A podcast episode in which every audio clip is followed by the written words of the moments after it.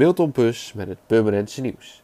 Wethouders Evelien Tuimstra en Thijs Kroesen en projectontwikkelaar Snippen hebben vrijdag een ontwerp voor de PostNL-locatie gepresenteerd.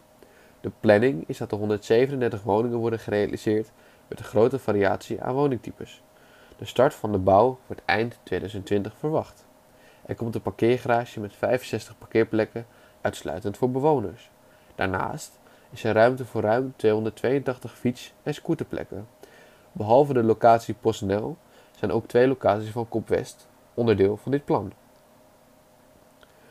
Rugbyclub Waterland heeft voor het komende seizoen een nieuwe hoofdtrainer aangesteld voor het damesteam. De Engelsman Ben Sharples zal het stokje van Erik Voet gaan overnemen, die eerder heeft aangegeven te stoppen als hoofdtrainer. Momenteel speelt Stapels met de Stunt Sevens uit Birmingham op de Super 7 Series. Kinderboerderij De Ridder neemt zaterdag 13 juli deel aan de landelijke Open Imkerijdag. Kinderen kunnen deze dag samen met hun ouders een kijkje nemen in de bijzondere wereld van de bijen. Bezoekers kunnen zaterdag bij de kinderboerderij in het Leegwaterpark bijenvolk achter glas bekijken en misschien laat de bijenkoningin zich zien. De landelijke Open Imkerijdag is van 11 uur s ochtends tot 4 uur s middags.